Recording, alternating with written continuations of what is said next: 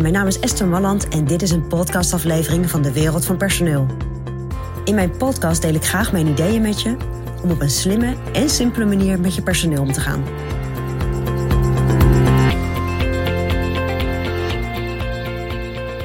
Ja, die functioneringsgesprekken die komen er weer aan. En eigenlijk heb je helemaal niet zoveel zin. Weer die gesprekken gaan voeren. Weet je hoe jij dat ervaart? Het is toch, ja, je moet, je moet voor uitleggen. Er komt ook vaak discussie over wat je, wat je hebt bedacht voor de medewerker. Het is ook vaak een beetje negatief. Je hebt er gewoon niet zoveel energie voor. En je hebt er helemaal eigenlijk niet zoveel zin in. Eén niet om het voor te bereiden, maar ook niet om die gesprekken te voeren. Want het gaat altijd over het verleden. Het gaat altijd over wat er niet goed ging. Het gaat altijd over dat jullie het niet eens zijn met elkaar. Zelfs met die goede medewerkers. Je merkt toch dat je af en toe in discussie komt. Ja, maar waarom heb je me dan zo gescoord? Of waarom heb ik dan niet een heel goed gekregen? Of waarom heb ik nou... Weet je, je, je wordt het mooiste erbij nadenkt. Dat kan anders. Het kan ook dat jij gesprekken gaat voeren waarbij je niet te veel terugkijkt. En waarbij je niet te veel echt gaat zitten scoren hoe een medewerker het doet.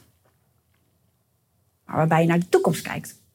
En waarbij je samen naar de toekomst kijkt. En kijkt hoe je medewerker een bijdrage kan leveren aan de plannen die jullie hebben met elkaar. En tuurlijk kijk je dan ook naar wat je medewerker tot nu toe heeft gedaan. Hè, wat zijn hele sterke punten zijn en waar misschien nog wat op bijgestuurd moet worden. Of wat iemand nog moet ontwikkelen. Maar als je alleen maar terugkijkt en alleen maar scoort en alleen maar lekker discussieert over scores en hoe en wat en daar krijgt niemand energie van. Maar als je vooruit kijkt en kijkt naar wat er mogelijk is en wat iemand van zijn rol kan toevoegen, dat, dat geeft wel energie. En dat is leuk om te doen met elkaar, want dan ga je plannen maken met elkaar. Ja, ik zou het wel weten. Als je nou geen zin hebt in die functioneringsgesprekken, ga het gewoon dit jaar eens helemaal anders doen. Nou, en als je nou niet weet hoe je dat moet doen, ga dan naar onze training. Nooit meer frustrerende functioneringsgesprekken. De link vind je onder. Nou, dat is mijn persoonlijk advies vanuit de wereld van personeel.